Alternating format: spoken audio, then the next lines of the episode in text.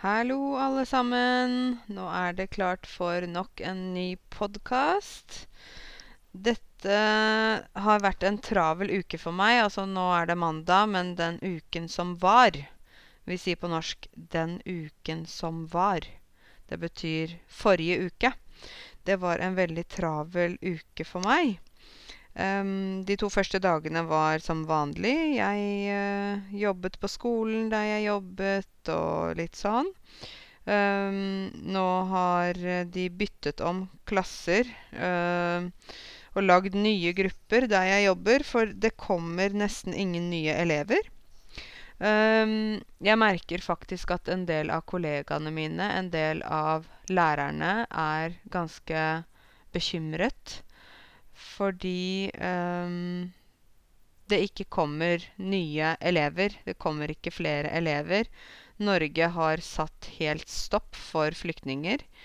Uh, og en del av kollegaene mine stresser, for de tenker da på om de får jobb.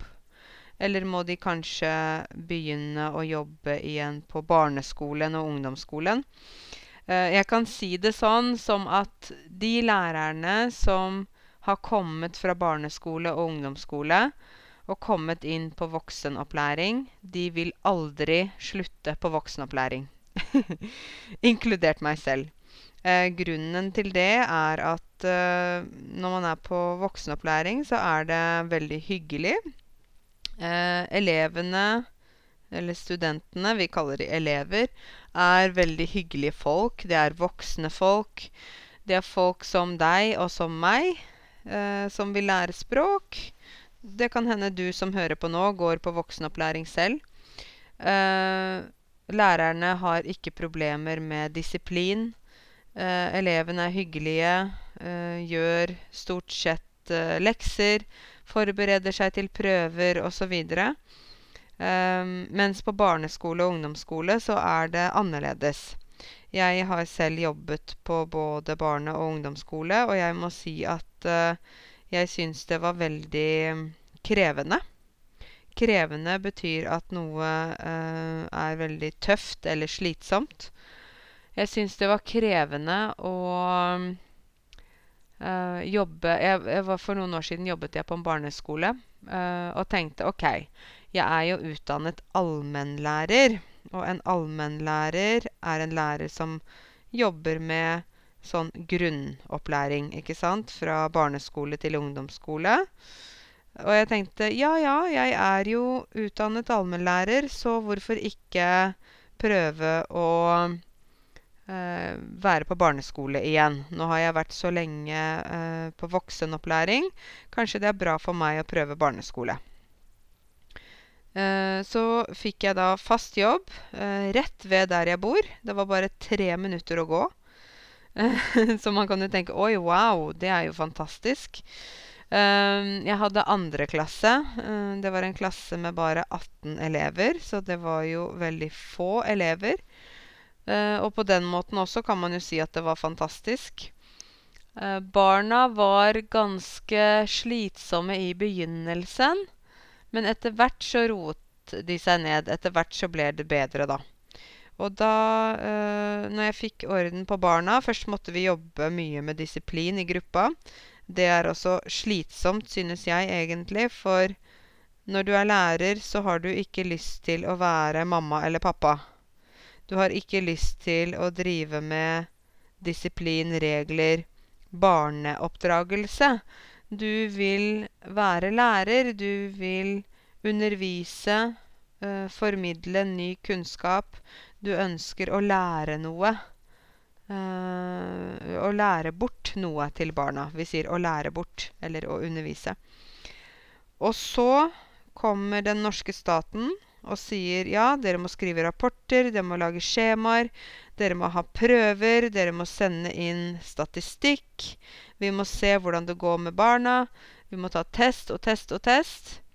Og så bruker lærerne så mye tid på papirarbeid um, at uh, gleden ved å undervise, gleden ved å være lærer, forsvinner.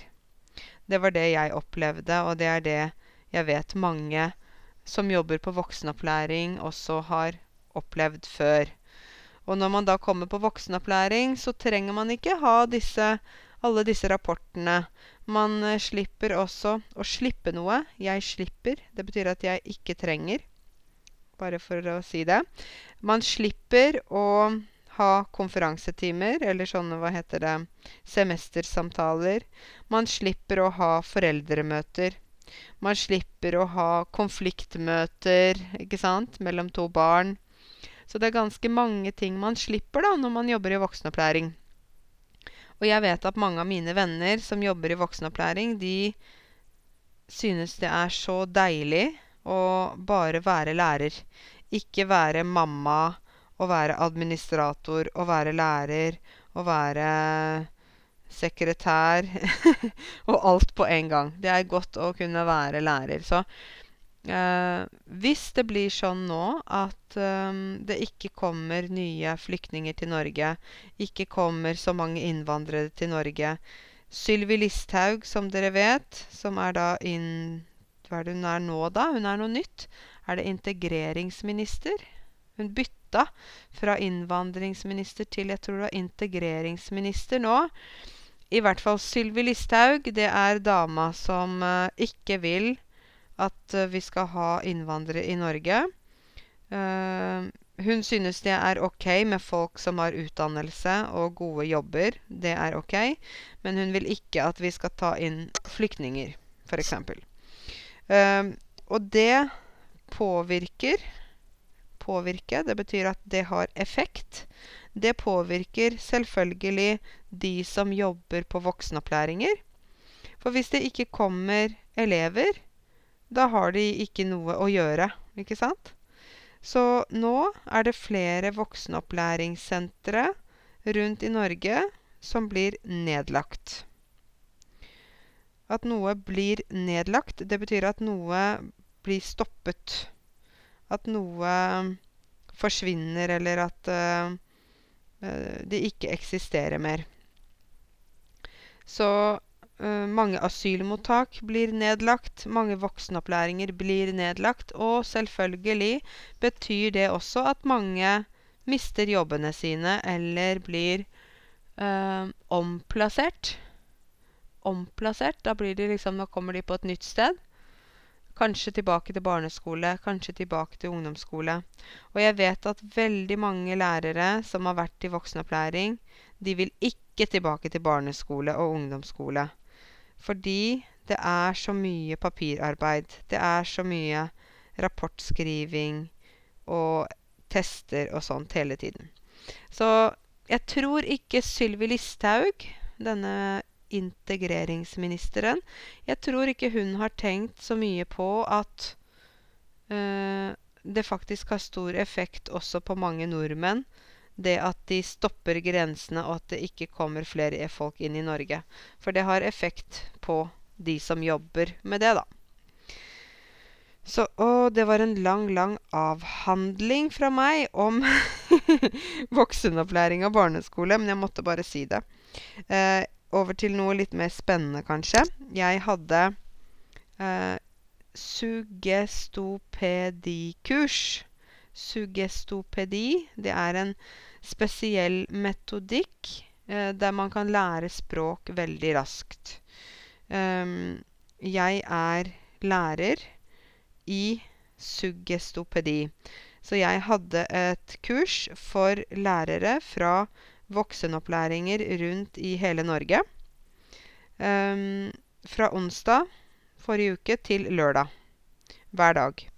Og da er det sånn at uh, Veldig kort fortalt om uh, suggestopedi, så er det at uh, læreren ikke er lærer, men er i en rolle som en slags teater. Og så er elevene også i roller.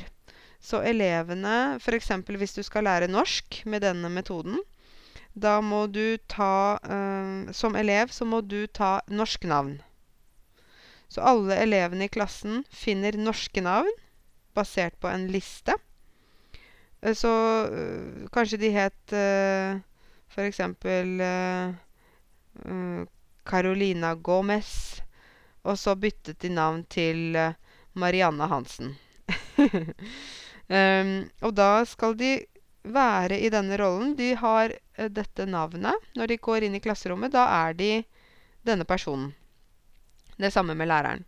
Og jeg holdt kurs for lærere for at de skal lære litt om denne metoden. Så jeg var da ikke Karense. Jeg var eh, doktor Lulu Darwesh. Eh, eh, kurset var på swahili. Kurset var ikke på norsk. Eh, fordi jeg ville at lærerne skulle kjenne på hvor vanskelig det er å lære et språk som er veldig forskjellig fra ditt morsmål. Så da eh, Siden dere vet at jeg snakker swahili, ikke sant? Sn fordi at jeg har bodd eh, på Zanzibar i Afrika. Så jeg snakker swahili. Og snakket swahili på kurset i fire dager.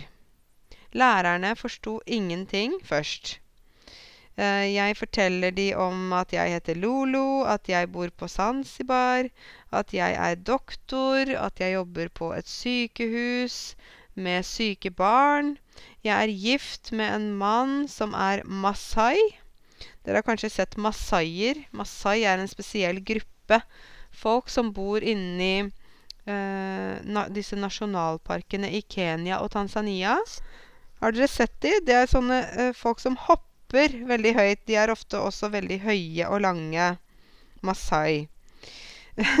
så det var historien, da, at jeg var gift med denne masai-mannen, og at vi bodde på Zanzibar.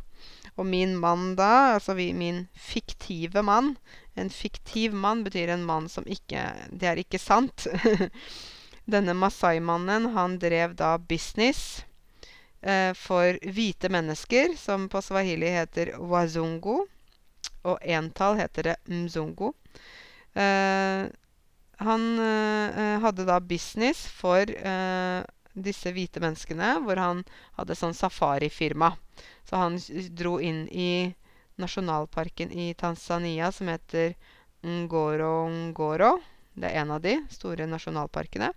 Og så reiste han da inn der for å se på dyr, ikke sant. Løve og elefant og gepard og sånt. Og første dagen, når jeg satt med disse lærerne på kurset Og dette er lærere som jobber med norskkurs, ikke sant? så snakket jeg bare swahili. Brukte kroppen mye, mye kroppsspråk, slik at de skulle liksom prøve å forstå bedre. De satt med store øyne. Munnen var åpen. Det så ut som de var i sjokk. Totalt sjokk. Og jeg repeterte mange ganger og sånt, men de sa å, vi forstår ingenting av det språket. Vi forstår ingenting. Hva er det du sier? Vi forstår ikke, vi forstår ikke. og da tenkte jeg nei, dere forstår ikke, men dere må også tenke på hva med deres elever? Hva med elevene som går på voksenopplæring? Hva med de som lærer norsk? Ikke sant? Hvis de kommer fra et land der språksystemet er helt forskjellig, så er det veldig vanskelig å lære norsk. For en del eh, mennesker som kommer til Norge, kan ikke snakke engelsk. Kanskje de har et annet alfabet også. Og da blir det ekstra vanskelig. Så eh, de satt, disse lærerne skulle eh, prøve da å lære swahili. Og første dagen var det veldig vanskelig. Neste dag var det litt bedre. De jobba med oppgaver, vi hadde sang, vi hadde rytme, vi, hadde, vi leste fra en bok. Ja. Og etter fire dager så klarte de faktisk å lese et helt brev på swahili, altså en hel side på swahili, og forsto kanskje rundt 80 eh, Så denne metoden, som heter suggestopedi, den er veldig, veldig effektiv. Eh, jeg har før hatt mange klasser i suggestopedi og lært i norsk. Jeg hadde en klasse i fjor, og da var det uh, elever som har utdannelse fra universitetet, så vi kaller det for spor 3-elever. Spor 3-elever betyr at de har uh, akademisk bakgrunn. Spor 2-elever betyr at de har kanskje maksimum til ungdomsskolen. Og spor 1-elever, det er de som nesten ikke har skole, eller ikke har skole. Men i hvert fall disse spor 3-elevene jeg hadde i fjor Vi begynte i august med å lære norsk. Jeg var da i en rolle. Da var jeg ikke doktor, da var jeg prinsesse. Og de tok De starter på null, ikke sant, i august 2016. Og i desember 2016 så tok de Ikke alle, men nesten alle tok B2-eksamen. Og besto B2-eksamen muntlig og skriftlig. Lese, lytte og skrive og muntlig. Tenk på det. Det er ganske utrolig, ikke sant?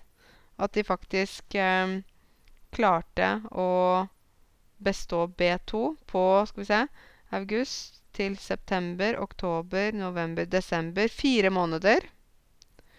Fire måneder og klarte å bestå B2. Det er helt utrolig bra. Så denne metoden er veldig bra. Den er veldig bra for å lære språk. og vi prøvde å fortelle disse lærerne hva som er bra med metoden, sånn at de kanskje kan utdanne seg til å bli lærere som kan bruke denne metoden for at andre skal lære språk. Jeg jobber sammen med en veldig flink dame som heter Lisa Hartmark. Og Lisa Hartmark, hun jobber i IMDi. Det er Integrerings- og mangfoldsdirektoratet. Veldig flott ord. Hun har jobbet med innvandrere siden 1970. Lisa er en el... Ja, hun er vel over 60 i hvert fall. Og hun har mye kunnskap om innvandrere, om læring, om norskkurs osv. Så, videre. så hun snakket også til lærerne litt med teori. Og da snakket hun om at dette med norskprøvene, at det faktisk ikke er bra. At man må sitte på en norskprøve, en nasjonal eksamen, ikke sant. Og så må man fortelle om seg selv. Fortelle om familien sin. Fortelle mange private ting til en lærer eller en sensor som du ikke kjenner. Hun sa at det er ikke bra. Det er ikke bra at man skal sitte og må, må fortelle. Noen mennesker som bor i Norge, har hatt veldig vanskelig liv før.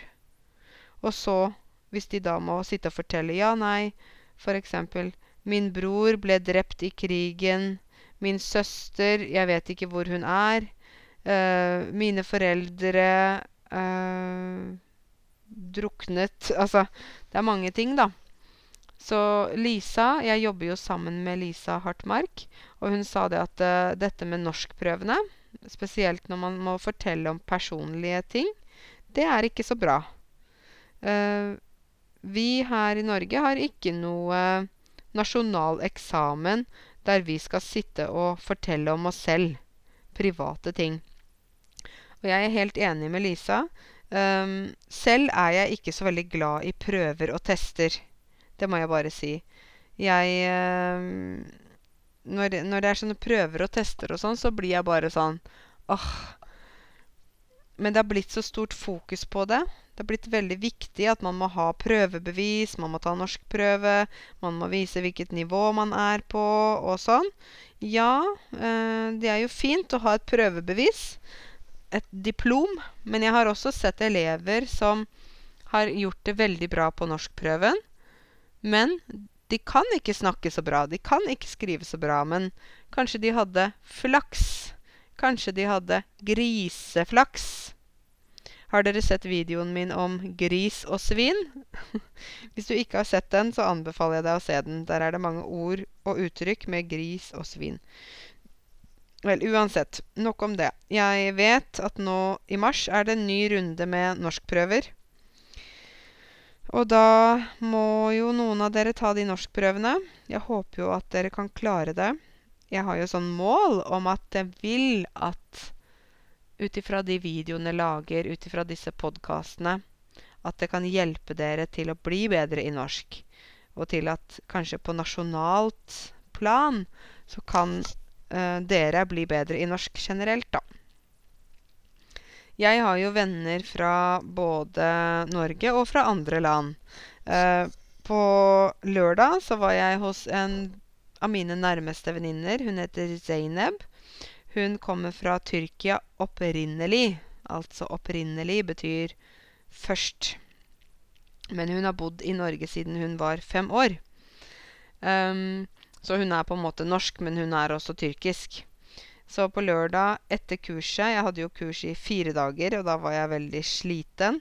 Men da dro jeg opp til Zainab på kvelden og satt hos henne og drakk tyrkisk te.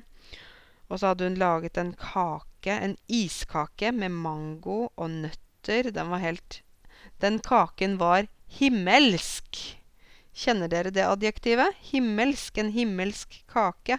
Den smaker som himmelen. Den var altså veldig god. Og på søndag, da gikk jeg tur med to eh, norske venninner. Da gikk vi tur fra Majorstua i Oslo til Bygdøy. Og ned til havet, til stranda, faktisk. Da hadde jeg med meg Bahia, og hun Hun gikk til vannet, men hun kjente at vannet var veldig kaldt, så hun snudde og gikk tilbake.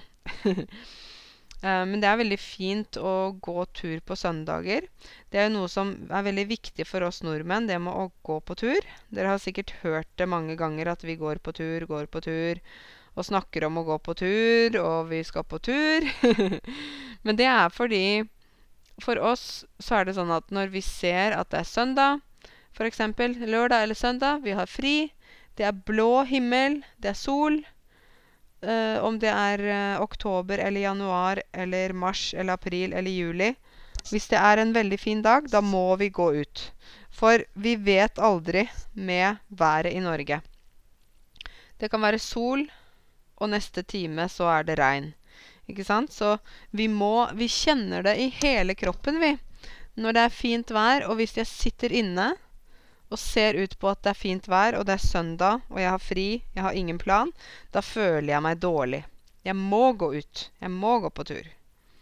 Og så er det mange som sier ja, men hva skal du gjøre på tur? Hva gjør du? Nei, vi går. Ja, men du blir ikke svett.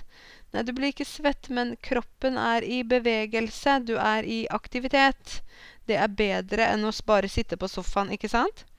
Så får du puste inn deilig, frisk luft.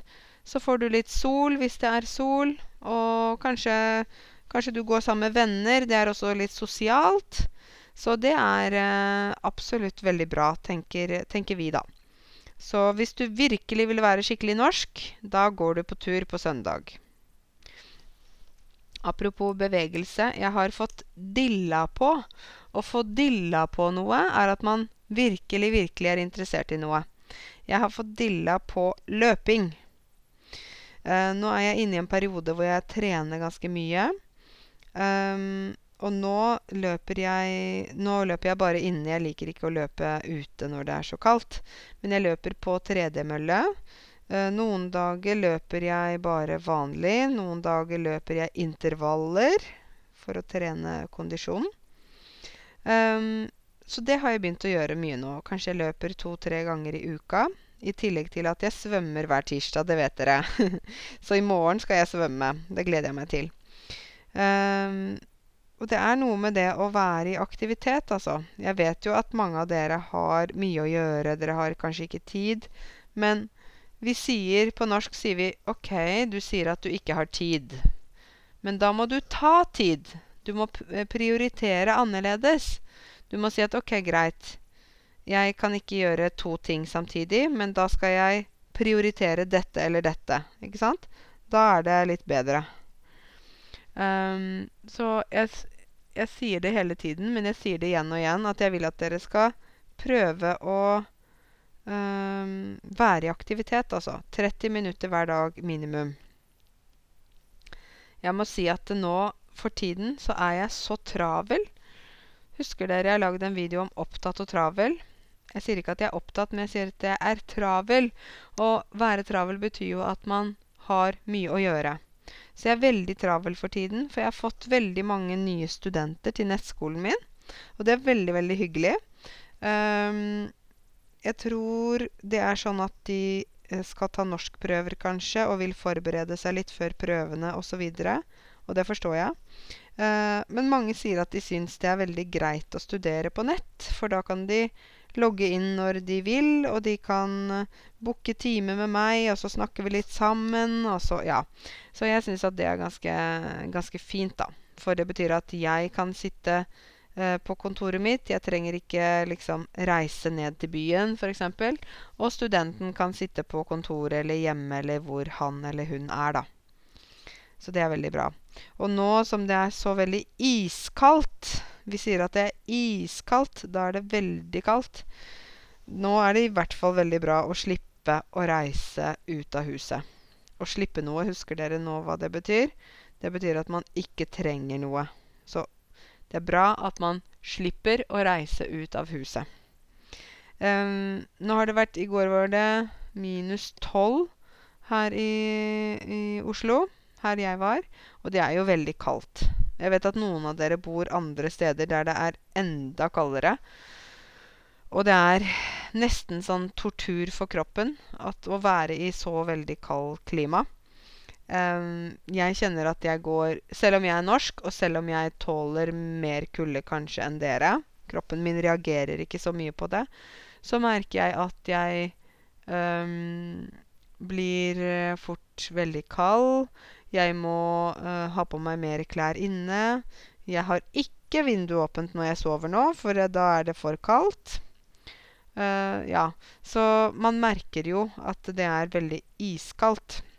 Vi sier 'Hvor mange blå var det hos deg?' kan vi spørre. Hvor mange blå? Og da, når vi sier blå, da betyr det grader. Ikke sant? Hvor mange blå var det hos deg? Nei, det var 15 blå. Det betyr det var minus 15 grader. Så her i går var det 15 blå. 15 blå i går. Det betyr 15 minusgrader. Mm.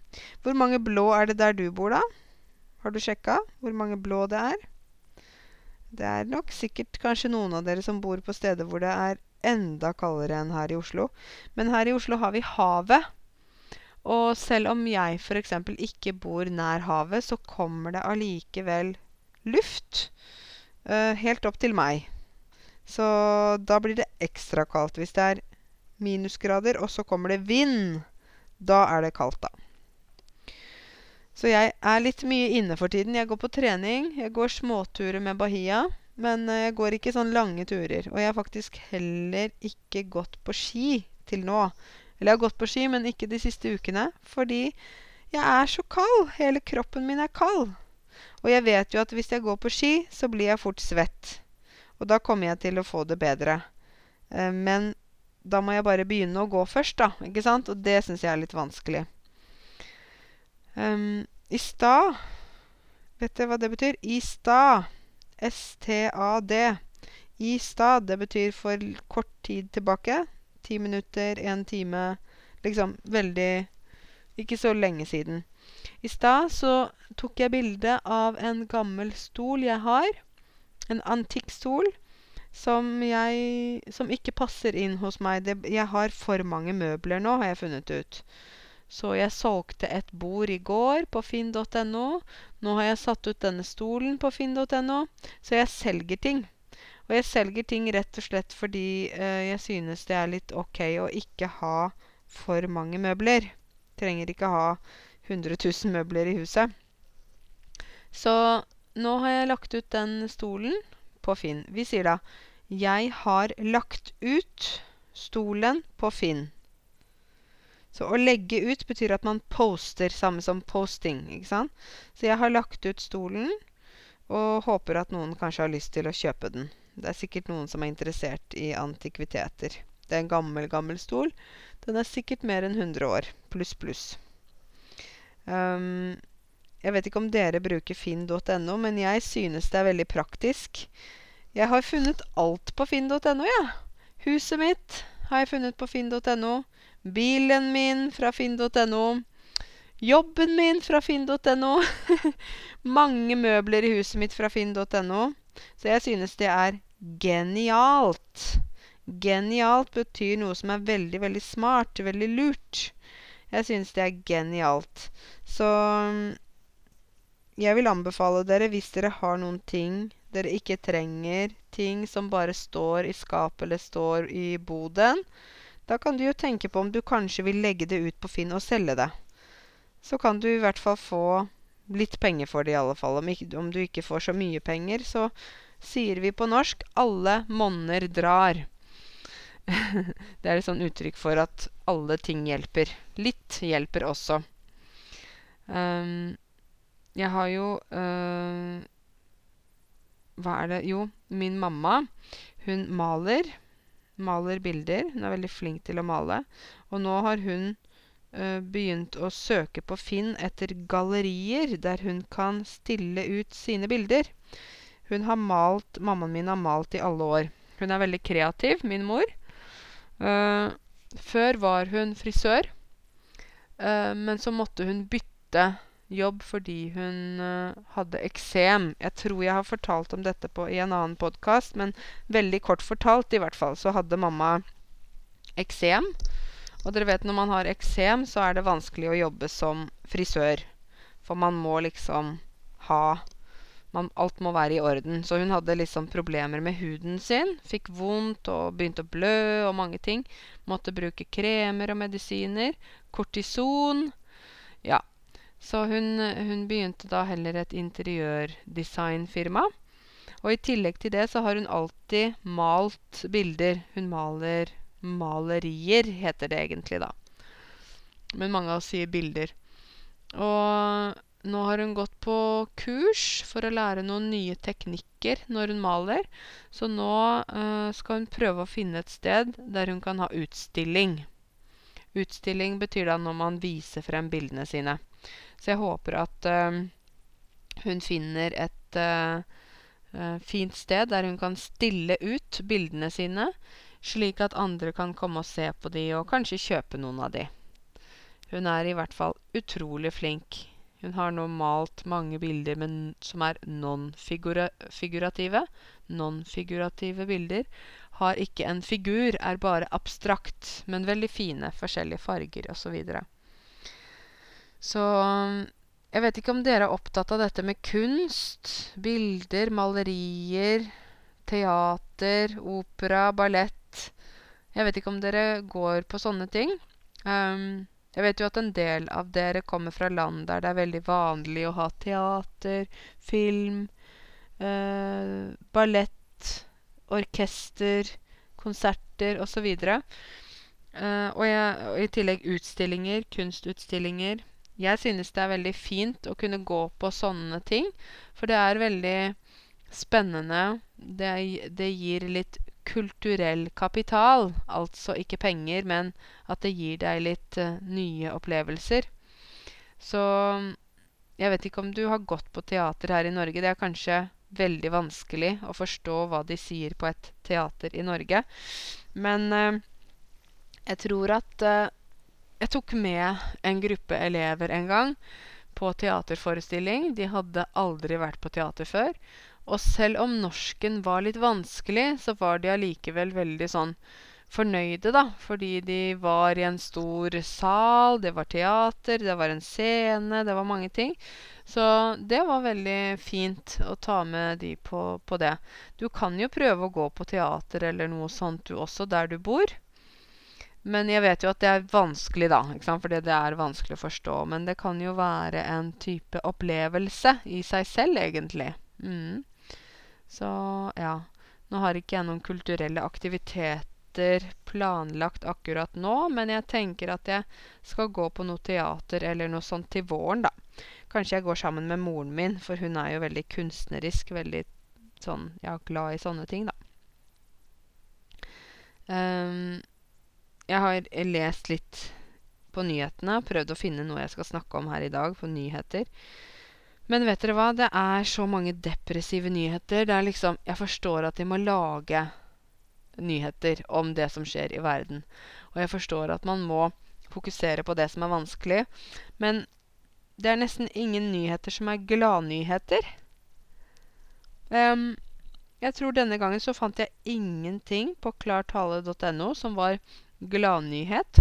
Kanskje jeg er blind, men det var veldig mye negativt. Um, om Giske, denne politikeren og Arbeiderpartiet, snakket jeg om forrige gang. Det var om uh, mye om krigen i Syria og hva som skjer i Tyrkia.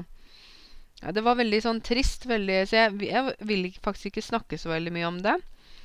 Det er én ting som Forbrukerrådet har sagt. Um, Forbrukerrådet er de man kan gå til hvis man kjøper en ting eller noe sånt, og så er man ikke fornøyd og man får konflikt med det firmaet der du kjøpte uh, tingen. Da kan man gå til Forbrukerrådet. Og Forbrukerrådet hadde gjort en undersøkelse i 2017 for um, Hva er det folk irriterer seg over mest?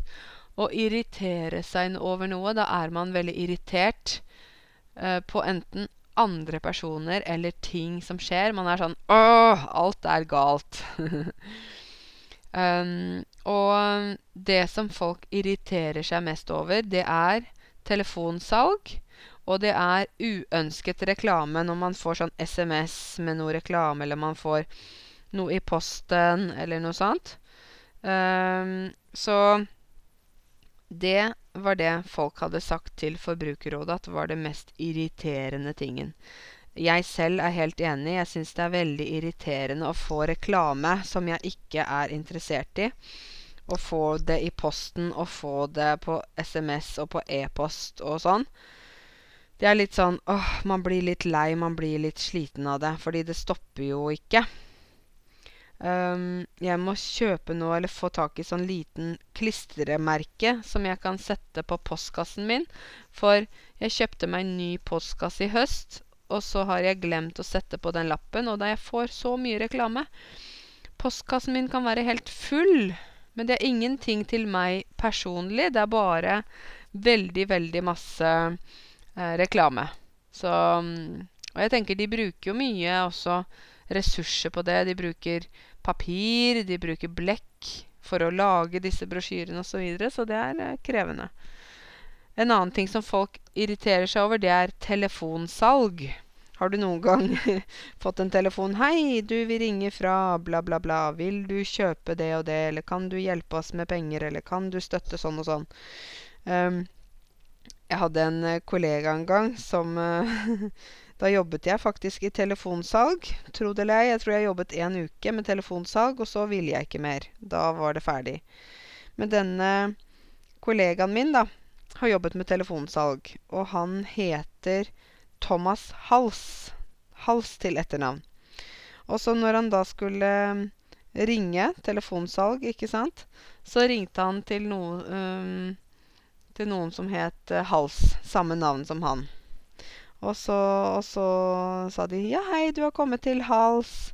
Og da sa han 'Ja, hallo, det er resten av kroppen som ringer'.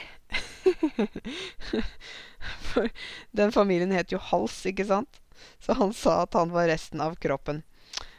Han var veldig frekk. Men uh, dette med telefonsalg er jo også veldig plagsomt, ikke sant? Når det ringer deg 'Vil du kjøpe det? Vil du kjøpe det?' og prøver å overtale deg. Å overtale noen betyr at man sier 'Vær så snill, da. Kom igjen, da. Kom igjen, da. Kom igjen, da.' Og til slutt sier du 'Ja, ok. Greit, da'. Da har du blitt overtalt. Um, jeg vet ikke hvordan det er med dere nå, nå fremover. Uh, ser dere mot lyse tider? Ser dere mot at vi skal få litt mer sol, litt varmere? Ser dere lyset i enden av tunnelen? Et lys i enden av tunnelen. Du vet når du kjører bil, og det er tunnel, så kjører du og kjører du og kjører du, og kjører du, og du ser ikke lys. Og så til slutt, da kommer det lys i tunnelen. Da er det litt håp. Så jeg håper jo at dere som meg ser at det er lys i tunnelen. Det blir varmere, dagene blir lengre, men vi må alle ha tålmodighet. Vi kan ikke tenke at det blir sommer med en gang. men jeg håper jo at det blir varmere snart, at snøen smelter, at vi etter hvert kan ta frem sykkelen kan ta frem joggeskoene, kan komme oss ut uten å fryse. Det håper jeg. Nå er jeg veldig lei og sliten av å fryse. Og dere, nå snakker jeg om været. Er ikke det utrolig kjedelig? Nei, vet dere hva, sånn er det med nordmenn. Vi snakker om været. Dere snakker om andre ting, men, men været påvirker livet vårt så mye. Og det er derfor vi snakker om været. Men eh, nå er det natta. Dere vet at jeg er B-menneske. Dere som har sett på min film om A- og B-menneske. Jeg er B-menneske. Nå er klokka kvart over tolv på natta. Nå er det sent. Nå skal jeg gå og legge meg. Um, husk at vi ikke sier 'jeg skal Jeg sover nå'. Eksempel 'jeg sover klokka tolv'. Vi sier 'jeg legger meg klokka tolv'. Så nå skal jeg gå og legge meg, og jeg er sliten etter løping i dag, så jeg tror jeg kommer til å sove som en stein. Takk for at du hørte på, og ha det bra alle sammen. Vi snakkes snart igjen.